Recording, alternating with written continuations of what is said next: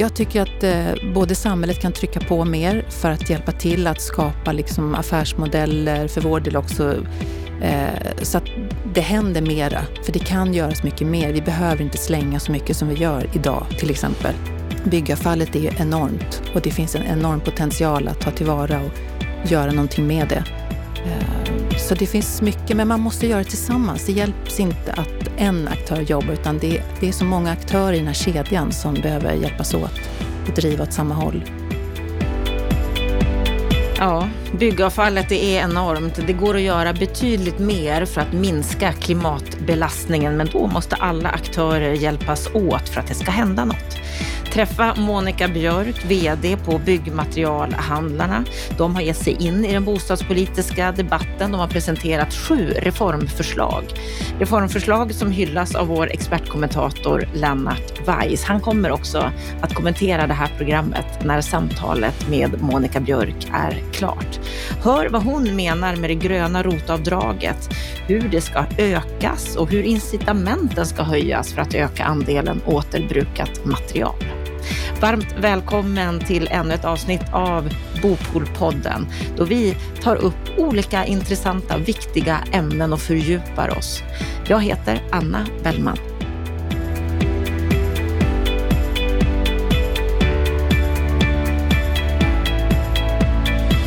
Under pandemin så gick det bra för byggmaterialhandlarna och det gör fortfarande det. Men hur ser det egentligen ut framåt? Mm, det ska vi ta reda på idag.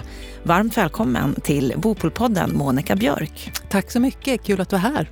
Vad är din sinnesstämning idag? Eh, ja, det är en ganska grå dag, men det känns ändå bra. Det är inte så kallt. Så promenera tid, det känns bra. Det känns bra. Ja. Mm. Och nu ska vi prata om eh, hur det egentligen ser ut just nu för mm. byggmaterialhandlarna bland annat, men också vad vi har att vänta framåt. Men, men innan vi gör det så tänkte jag att vi ska få lära känna dig lite. Mm. Du har varit VD för byggmaterialhandlarna i fem år snart. Just innan det. dess så har du en bakgrund bland annat på VSP, där du har jobbat med byggfrågor. Du har varit på byggmaterialindustrierna.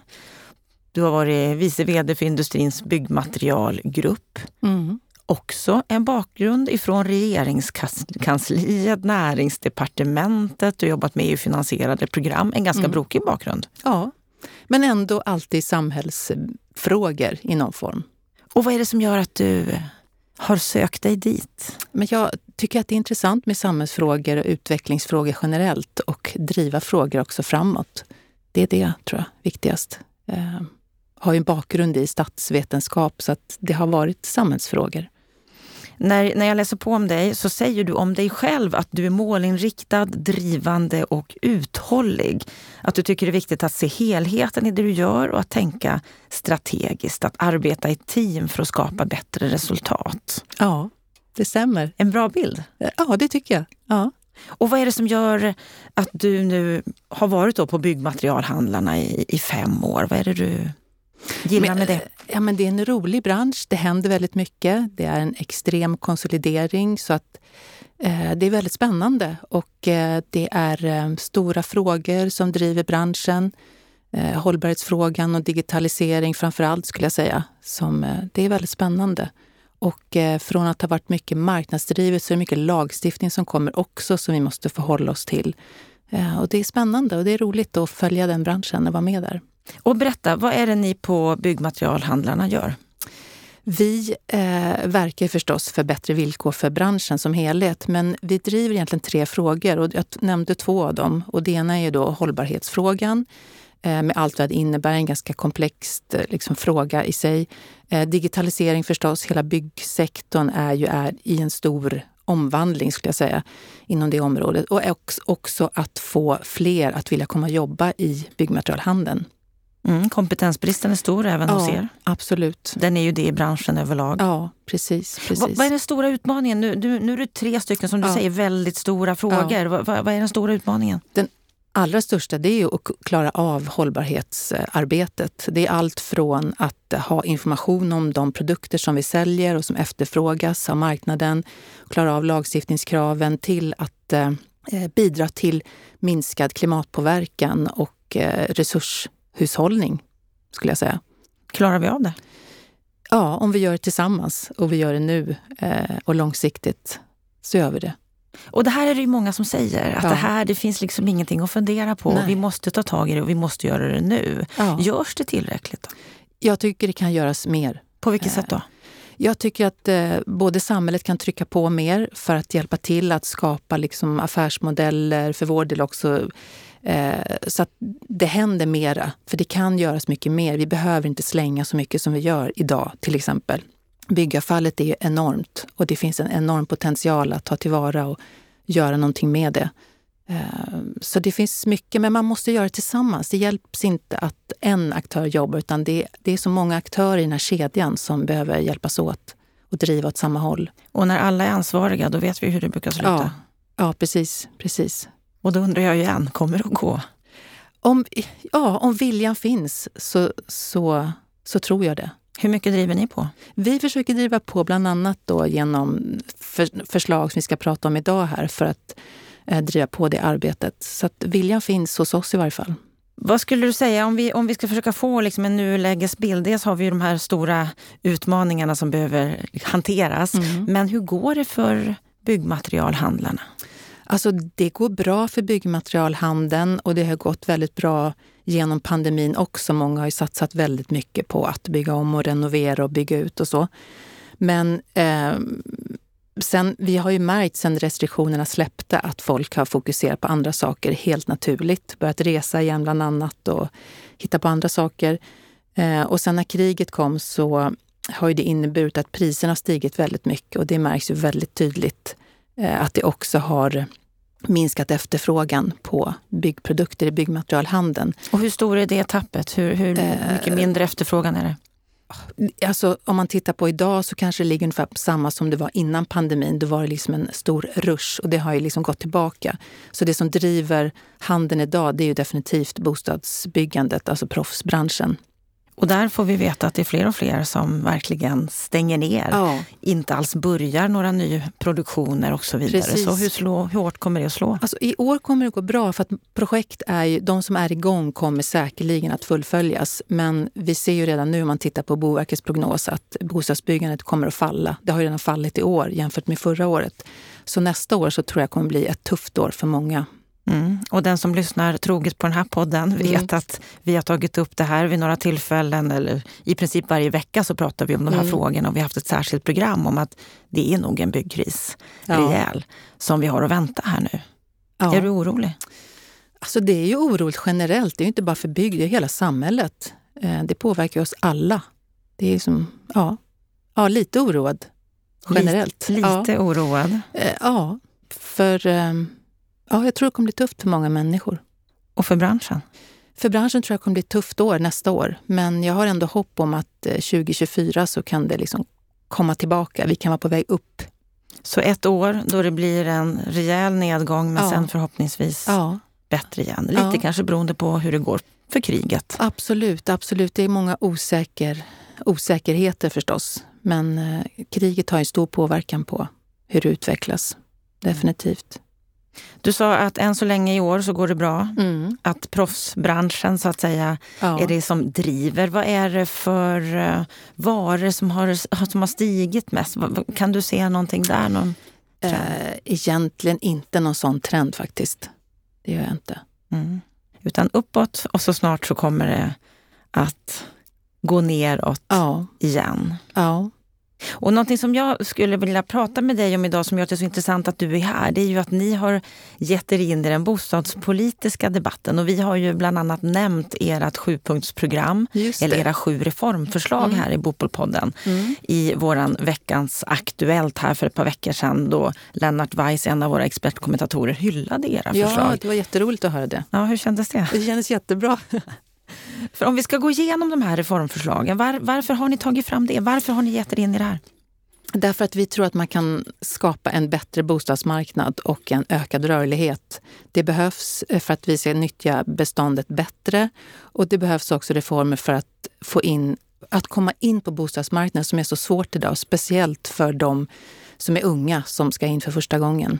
Det är ett jättehinder liksom, att komma in där. Och vad har du fått för respons på, på att ni har gett er in i det, i det här? Det är mestadels positivt. Och sen så pratar vi förstås med politikerna om det och eh, ja, de gillar ju vissa förslag mer än andra och sådär. Men eh, ändå positivt. Och vad är det för förslag de gillar? Eh, men alltså idén gillar väl många att man ska se över till exempel hela bostadspolitiken. Samtidigt som det är väldigt svårt för det, det liksom eh, inbegriper så många olika delar av eh, liksom regelverk i Sverige. Mm. Ja, det är komplext. Ja, det är, det är många som vittnar om det. Det är ja. många som vill ha reformförslag. Ja. Men kommer det verkligen att bli något? Ja, det... Så skepticismen här är ju ganska stor också. Ja, definitivt. Om vi ska titta på vilka reformförslag som ni har pekat ut så är ett av dem att införa ett grönt rotavdrag. Mm. Vad är det för förslag? Men det är ett förslag eh, som innebär att man, det finns ju rot idag, men att man utöver det skulle få en skatterabatt på 50 procent både av material och arbetsinsats eh, upp till 50 000 om man renoverar eh, mer hållbart. Och det skulle passa in väldigt bra idag för till exempel att energieffektivisera sin bostad. Isolera mer, byta tak och så vidare. Eh, det kan också handla om att eh, man använder en större andel återbrukat material. Det skulle också kunna generera då en högre bidragsdel från samhället. Eh, det är väl i korthet som, det som det innebär. Så premiera de som tänker hållbarhet, återbruk, som verkligen satsar ja. på det hållbara tänket. Det du nämnde här var en av de allra största utmaningarna för, för oss som samhälle. Men vem är det som ska avgöra vad som är grönt och vem som ska få det här bidraget? Ja, det, någon, det får ju förstås samhället precisera exakt hur det ska utformas. Men just nu känns det väldigt relevant att prata om energieffektiviserande åtgärder för det svenska beståndet behöver ju renoveras och eh, eh speciellt nu då även titta på att energieffektiv, energieffektivisera sitt boende. Och det är ju många intresserade av idag också av liksom naturliga skäl. Mm. Ehm. Mycket pratas om detta, ja. men det skulle behövas något specifikt regelverk? Ja, det behöver man ju titta på. Det, men det finns, det är väldigt etablerat, rotavdraget idag. Det har funnits länge.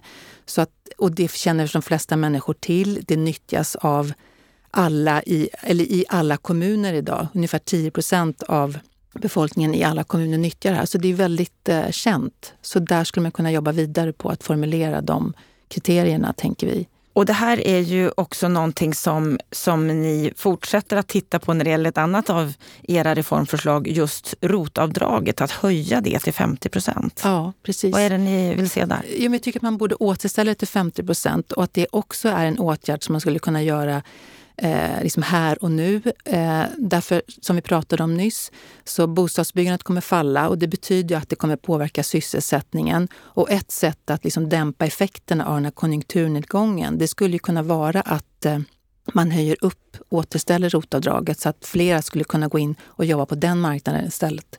Ja, ni skriver här bland annat att det är 1,2 miljoner svenskar över hela Sverige ja. som använder det här till ett värde av 12,1 miljarder. Ja. Och genom att återställa då till den gamla nivån på 50 procent så skulle det skapas fler arbetstillfällen inom byggsektorn. Precis. Och att beståndet skulle underhållas bättre. Ja, precis. Och det behövs ju. Och om vi tittar på en annan sak som vi pratar en del om, det är ju det här med svartarbete mm.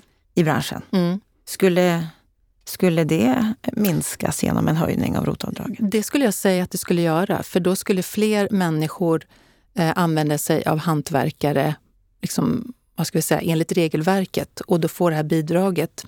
Och det tror jag verkligen skulle eh, bidra till att man inte köpte svart arbetskraft. Kan vi se några siffror på hur det, hur det blev tidigare när det infördes? Eh, det är svårt att mäta svart arbetskraft så det finns väl inga, vad jag vet, eh, liksom riktiga utvärderingar. Det går ju liksom inte. Mm.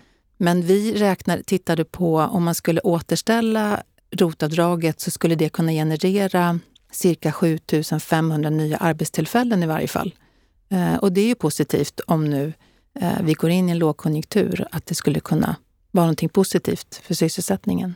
Mm, för det är många företag nu som aviserar att vi kan inte ha kvar Nej, all precis, arbetskraft. Precis. Då skulle vi kunna rädda en del av det, eller? Ja. Över hela landet, eller vad tror ja, du? det skulle jag säga eftersom det används eh, alltså lika stor andel rakt av i alla kommuner. Så det, absolut så skulle det kunna hjälpa till. Och samtidigt som du berättar, vi ser en kompetensbrist. Ja. Hur går det här ihop? Ja, men då skulle den kompetensen som blir då utan jobb kunna flytta över till renoveringsmarknaden. Så att man tar tillvara kompetensen så att den inte försvinner iväg och så har vi ännu större problem framöver. När det vänder så igen. som det har varit tidigare. Mm. Mm. Så rotavdraget, det är alltså två av era reformförslag Ja. som eh, ni menar är rätt betydande. ja, det är det verkligen. Det är väl nästan det viktigaste. Mm. Ja, för om ni sätter dem på plats ett och tre Ja, här i era exakt. reformförslag. Ja. Mm. Och politiskt, finns det något gehör för det? Det finns det väl hos några partier, men inte rakt av just nu. Men nu är ju saker i ett nytt läge också. Vi får ju se. Imorgon presenteras eh, höstbudgeten. Vi får se vad som finns i den. Även om jag kanske inte tror att det finns med där, men eh, vi får se. Mm. När det här spelas in, Mm. då vet vi inte hur höstbudgeten Nej. ser ut. När det sänds, då vet vi det. Exakt. Mm. Ja, ett annat av era reformförslag det är just detta med hållbarhet, med Ja. återbruk, där ni vill se ett incitament för beställare att öka andelen återbrukat material. Ja. Vad innebär det? Eh, vi ser ju att eh, eh, samhället vill ju att vi ska öka cirkulariteten i byggsektorn och Boverket tittar på det, vad man kan göra. Och vi vet ju också att vi genererar väldigt mycket avfall. Men för att det ska hända någonting, det är också en ganska komplex fråga att använda återbrukat material, eh, så behövs det någon som skapar något incitament för det. Och vi tror att eh, till exempel kommuner skulle kunna ställa krav på det när de eh, beviljar bygglov, att eh, man ska använda en viss andel återbrukat material. För det skulle få igång materialströmmar och logistikflöden. Det skulle skapas affärsmodeller för man vet att man måste göra någonting. Och det görs försök redan idag. Vi har projekt eh, inom byggmaterialhandeln där man tittar på att ta hand om återbrukat material. Men det är fortfarande i liksom liten skala. Och för att det här ska liksom hända så måste ju också många parter vara inblandade. Arkitekter måste veta vad finns det för material att använda sig av om de ska rita någonting eller ändra någonting. Och det måste byggas upp flöden för att hämta in och, och lämna ut. och så där. Och det, det, är inte, det finns inga sådana etablerade som stora flöden idag. Eh, och det tror jag behövs en push från samhällets sida för att det ska starta i större skala. Som du sa, det är väldigt liten skala idag. Vad är det som återbrukas idag? In, ja, ett exempel är ju trämaterial. Eh, man samlar in och eh, kan sälja, sälja liksom på bygg, i byggmaterialhandeln. Och jag vet att man tittar på flera material, men det är liksom svårt för att det ska ju också ibland det ska göras rent och liksom vara i säljbart skick helt enkelt. Eh, så det är trä som, skulle jag säga, man börjar med. Men andra material kommer säkert in också. Mm. Ni säger här att om man ställer krav på att minst 10 procent av byggmaterialet i nyproduktion ska vara återbrukat så kommer det skapa incitament för en ny affärslogik kring just återbruk och försäljning av byggmaterial. Ja, det tror vi. Absolut. Så ett krav på 10 procent. Ja, det, det är ett exempel, men det skulle kunna vara rimligt i alla fall att klara av att göra det. Hur mycket skulle vi kunna återbruka? Jag vet faktiskt inte om det finns någon siffra på det, men jag tror mer än 10 procent. Mm. Som du sa förut att eh, avfallet är enormt. Ja, Ett av våra största Ja, det är ju det. problem Ja, när det precis. gäller hållbarhet. Ja, Mm. Så i ert reformförslag så sä- säger ni 10 procent ja, och du menar att det borde kunna vara mer. ja, det tror jag. Hur, hur stort är intresset för återbruk? Det, alltså på sina håll så är det jättestort. Eh, men man ser också att det, eh, det finns massa utmaningar med det. Men jag tror det kommer komma mer och mer, intresset för det. En utmaning vad jag förstår det är att det får inte bli dyrare. Nej, exakt. Och ibland så är det inte billigare med återbrukat. Till exempel tegel som man tar tillbaks från gamla byggnader som ska rivas, som man vill använda i mer i så kulturprojekt.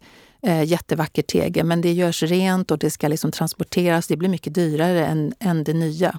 Eh, så det är idag inte alltid billigare, nej. Mm. Men något som är otroligt viktigt att se över och använda. Mm. Det är många som pratar om det mm. när vi pratar hållbarhet, mm. vikten av återbruk. Så det var ett av era reformförslag. Sen kommer vi in på det här som du sa var ett viktigt skäl till att mm. ni har engagerat er. Mm. Att det ska vara lättare att ta sig in på Just det. bostadsmarknaden. Och Precis. då har ni ett reformförslag, bosparande efter tysk modell. Ja, exakt. Och vad är det ni vill se då? Vi skulle vilja att eh, det infördes ett oberoende bosparande i Sverige idag som gör att eh, eh, om man tittar på i Tyskland, där startar man tidigt och sparar och om, sparar långsiktigt, till exempel i 20 år. Och lika mycket som du har sparat får du också låna. Och det använder du då som den här insatsen när du ska köpa ditt boende och då kan det vara vilket boende som helst. Det kan till och med vara renovering. Och sen så får du amortera och betala tillbaka till en förmånlig ränta. Eh, och hela systemet bygger på att man kan inte låna ut mer pengar än vad som finns i det här systemet. Och så är det sanktionerat av staten.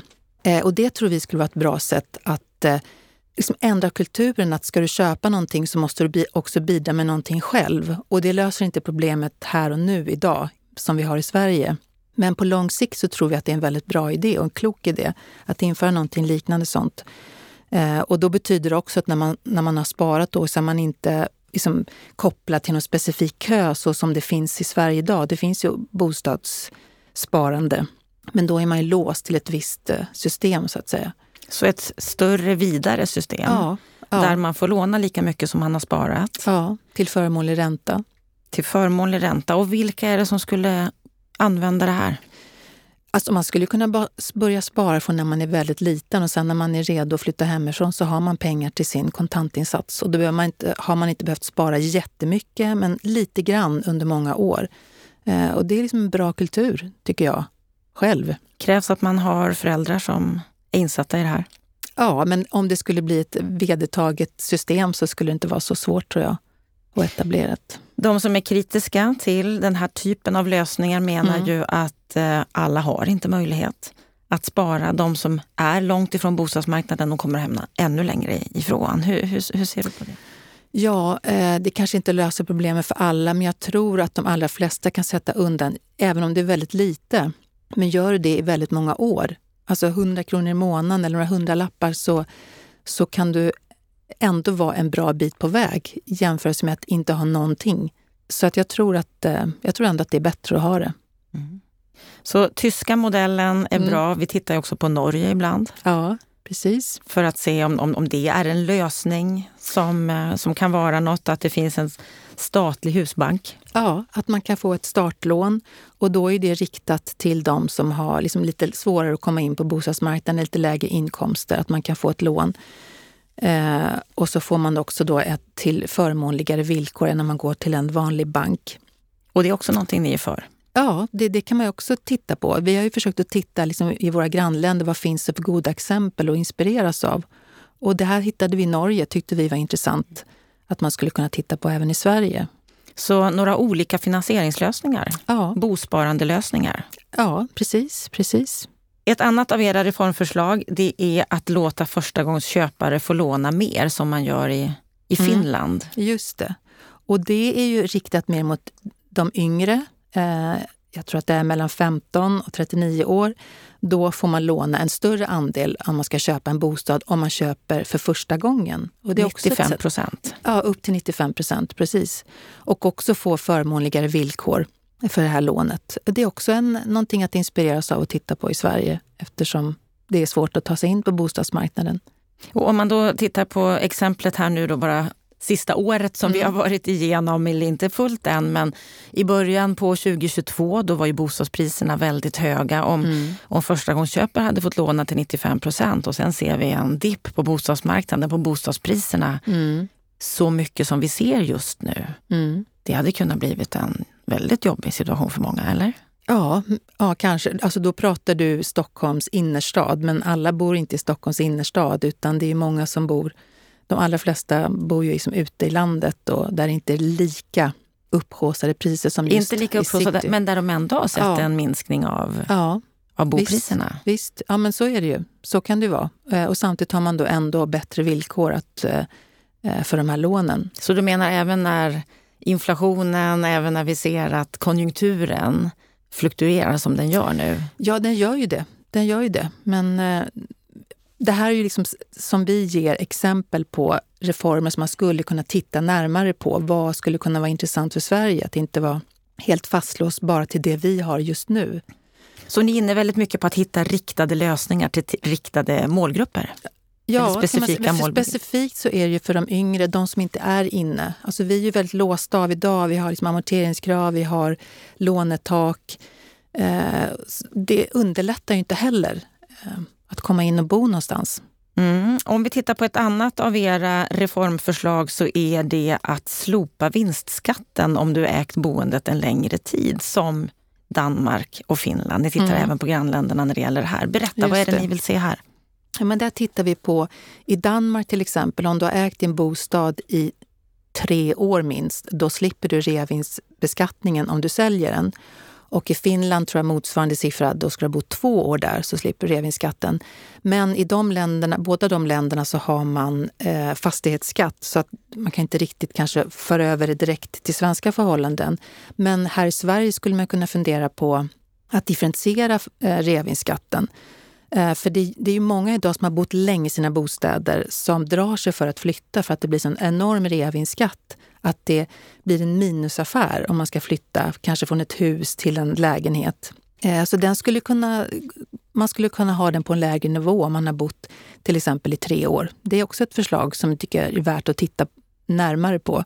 Och det är en sån långsiktig lösning som eh, det skulle förstås vara bra om man kunde ha liksom en bred överenskommelse i riksdagen kring det så att det inte skulle vara någonting som är... Inte fyraårsintervaller Nej, att inte fyraårsintervaller. Utan, utan längre. Ja. Vad skulle det få för effekt? Hur mycket skulle rörligheten öka? Ja, vi har inte räknat exakt på vad det skulle kunna innebära men eh, det skulle definitivt underlätta att om man i, istället för att betala 22 procent och nu skulle betala exempel 10 procent i skatt. Det skulle ju vara en stor förändring med hur mycket utrymme du har kvar att köpa någonting annat för skulle kunna underlätta en del av den bostadsbrist som, ja. som finns. Ja, så det skulle man kunna titta närmare på vad det skulle kunna innebära eh, från samhällets sida. Och vem ska titta närmare på det här? Det skulle kunna vara någon statlig utredning, tycker vi, mm. eh, och se vad det skulle kunna innebära. Så en hel del reformförslag. Mm. Hur jobbar ni för att nå fram till politikerna? Vi träffar alla riksdagspartier eh, regelbundet och nu är det nya bostadspolitiska talespersoner så de har vi börjat att träffa nu eh, och kommer fortsätta göra det. Eh, ja, det gör vi hela tiden och vi tar upp de här frågorna. Hur tas det emot? De ni träffar, vad, vad De flesta de? tycker att det är intressant att se hur man gör i grannländerna, för alla är inte insatta i vad man har för sätt att eh, hantera liksom bostadsmarknaden på och bostadsfrågorna. Så det, det är positivt skulle jag säga, även om inte alla säger ja till allting. Utan vi vill ju liksom komma med inspiration. Och vad säger de ja till skulle du säga? Ja, men jag vet ju att den här frågan om startlån till exempel, den har ju redan utretts och jag vet inte exakt var den befinner sig idag. Men det är ju en fråga som är intressant. Eh, vissa tycker att grönt rot är väldigt intressant. Och eh, det här med reavinstskatten, det tror jag flera tycker är intressant, men det är en ganska svår fråga att ta i politiskt. Eh, men hållbarhetsfrågan är också intressant för att där vill man ju eh, ja, se till att vi både bygger och liksom förvaltar mer hållbart eh, på många olika sätt. Så att egentligen alla frågorna är intressanta. Mm, även från politiskt håll? Ja. Men vissa svårare än andra? Ja, vi, absolut. Och vissa är långsiktiga och vissa är mer kortsiktiga och sådär. Eh, mm. Och det krävs kanske att, att ligga på en del? Ja, jag tror det. Jag tror det. Att ni fortsätter att träffa dem? Ja, det gör vi. Tjatar? Ja. Vad förväntar du dig? Eh, att det blir någon form av grönt rot någon form av hjälp. Nu har ju regeringen just sagt att 55 miljarder ska läggas på att kompensera för de energikostnaderna som hushållen har. Och vi hade gärna sett att man la en del av de pengarna också på att energieffektivisera det som redan finns eh, av de hus vi har. Så det Då, hoppas vi på. Mm. Då får vi önska lycka till ja, i att fortsätta och tjata och driva på. Ja. Tack För det krävs, det krävs ja. förändringar ja. inom det här området. Ja, det gör det. Eller inom alla de här områdena. Ja. Mm. Stort tack för att du kom och berättade om detta i Bopolpodden, Monica Björk. Tack för att jag fick vara här.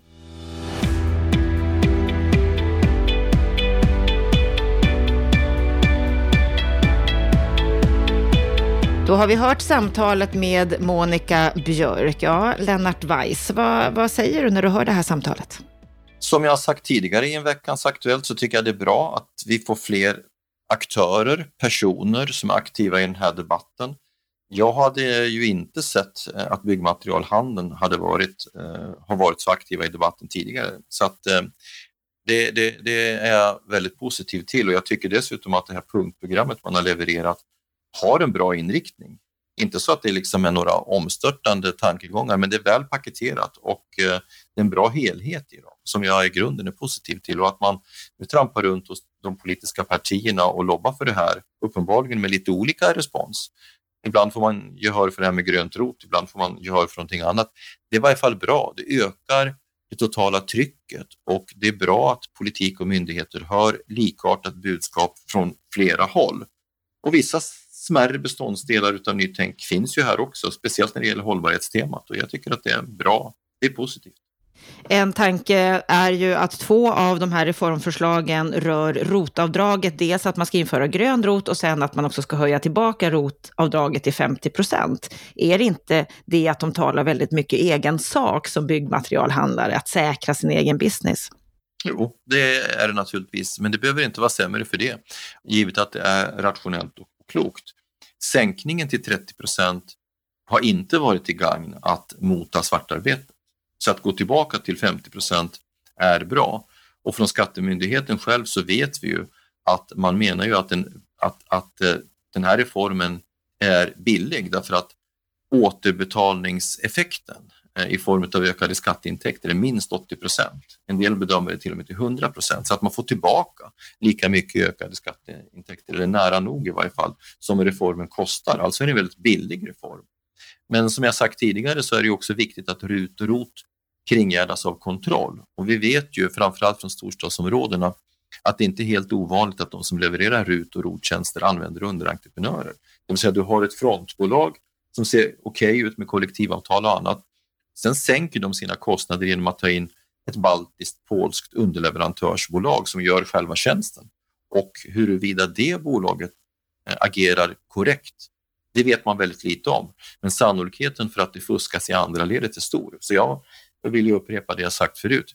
RUT och ROT ska bara ges till företag som, som utför tjänsterna med egen anställd personal och den personalen ska vara anställd i Sverige. Och Då kommer också den personalen att skatta i Sverige. Alltså hela syftet med RUT och ROT har ju varit att dels eh, få in fler människor från, i, i, arbetsmarknaden, det vill säga människor som framförallt i RUT-sektorn, fler människor som står långt ifrån arbetsmarknaden. Den effekten har det de facto gett.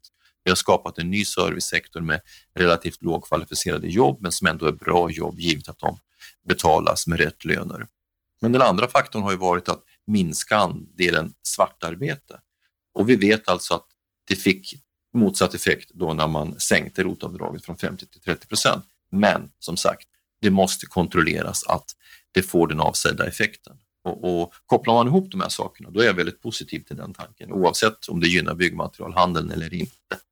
Och när det här samtalet spelades in så var det ju innan budgeten lades och vi vet ju nu när vi har sett budgeten att det inte fanns något förslag med om det här. Vad tror du om den politiska viljan att göra sådana förändringar med tanke på hur läget är just nu, den krissituationen, lågkonjunktur som vi kommer att gå in i? Man kan nog tolka det som att de var väldigt oförberedda i de här förhandlingarna eh, eh när det gällde hela den här sektorn, alltså bygg bostadssektorns olika problem och utmaningar. Så man får nog helt enkelt skriva det på, på det kontot.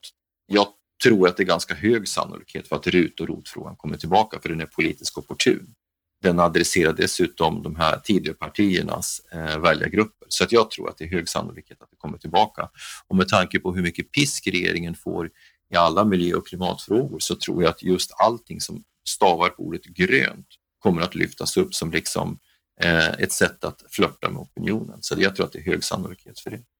Men då kanske det blir lite senare under den här mandatperioden när vi har gått ur, förhoppningsvis då, den värsta lågkonjunkturen? Tvärtom, jag tror att sannolikheten är ganska stor för att den kan komma i vår.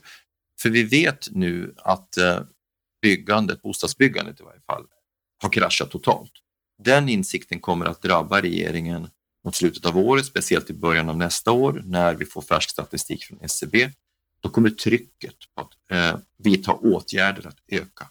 Så att jag kan mycket väl tänka mig att man kommer att söka en mix av åtgärder som främjar byggandet i termer av, av, eh, i termer av ombyggnader och reparationer, men också i termer av nyproduktion. Så jag tror att sannolikheten för, för förstärkt ROT och RUT-avdrag är ganska hög.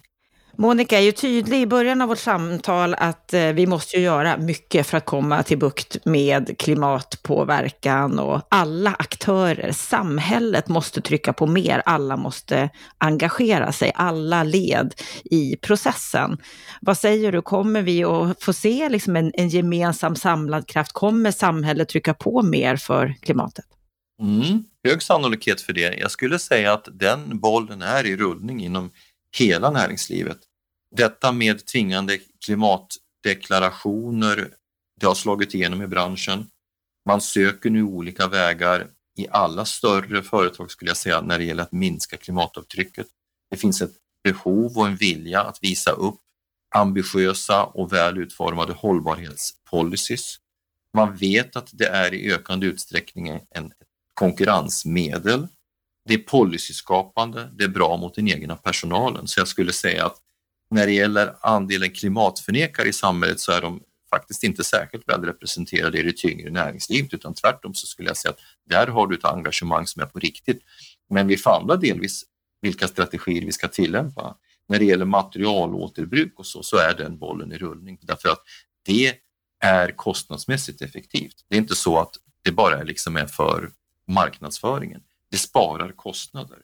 Så när sådana här mål går hand i hand, ekonomiska och ideella mål, det är då klimatarbete, det är då den här typen av hållbarhetsarbete fungerar som bäst. Vi får hoppas att det verkligen blir så, för vi har ju inget val. Vi måste ju agera för klimatets skull och den här sektorn står ju för en så stor del, en femtedel av klimatpåverkan. Stort tack Lennart för din kommentar. Stort tack till dig som lyssnar på Bopolpodden. Vi eh, finns ju att höra. Vi har ju hållit igång nu i, i över tre och ett halvt år och vi finns med alla program på bostadspolitik.se där du också kan läsa mycket annat som har med bygg och fastighetsfrågor att göra. Rapporter, krönikor, olika artiklar. Så gå gärna in där och teckna dig där gärna också för vårt nyhetsbrev som kommer varje fredag. Och på fredagar då släpper vi också veckans Aktuellt härifrån Bopolpodden med det senaste som har hänt under veckan. Så jag hoppas att vi hörs då. Ha en riktigt bra vecka.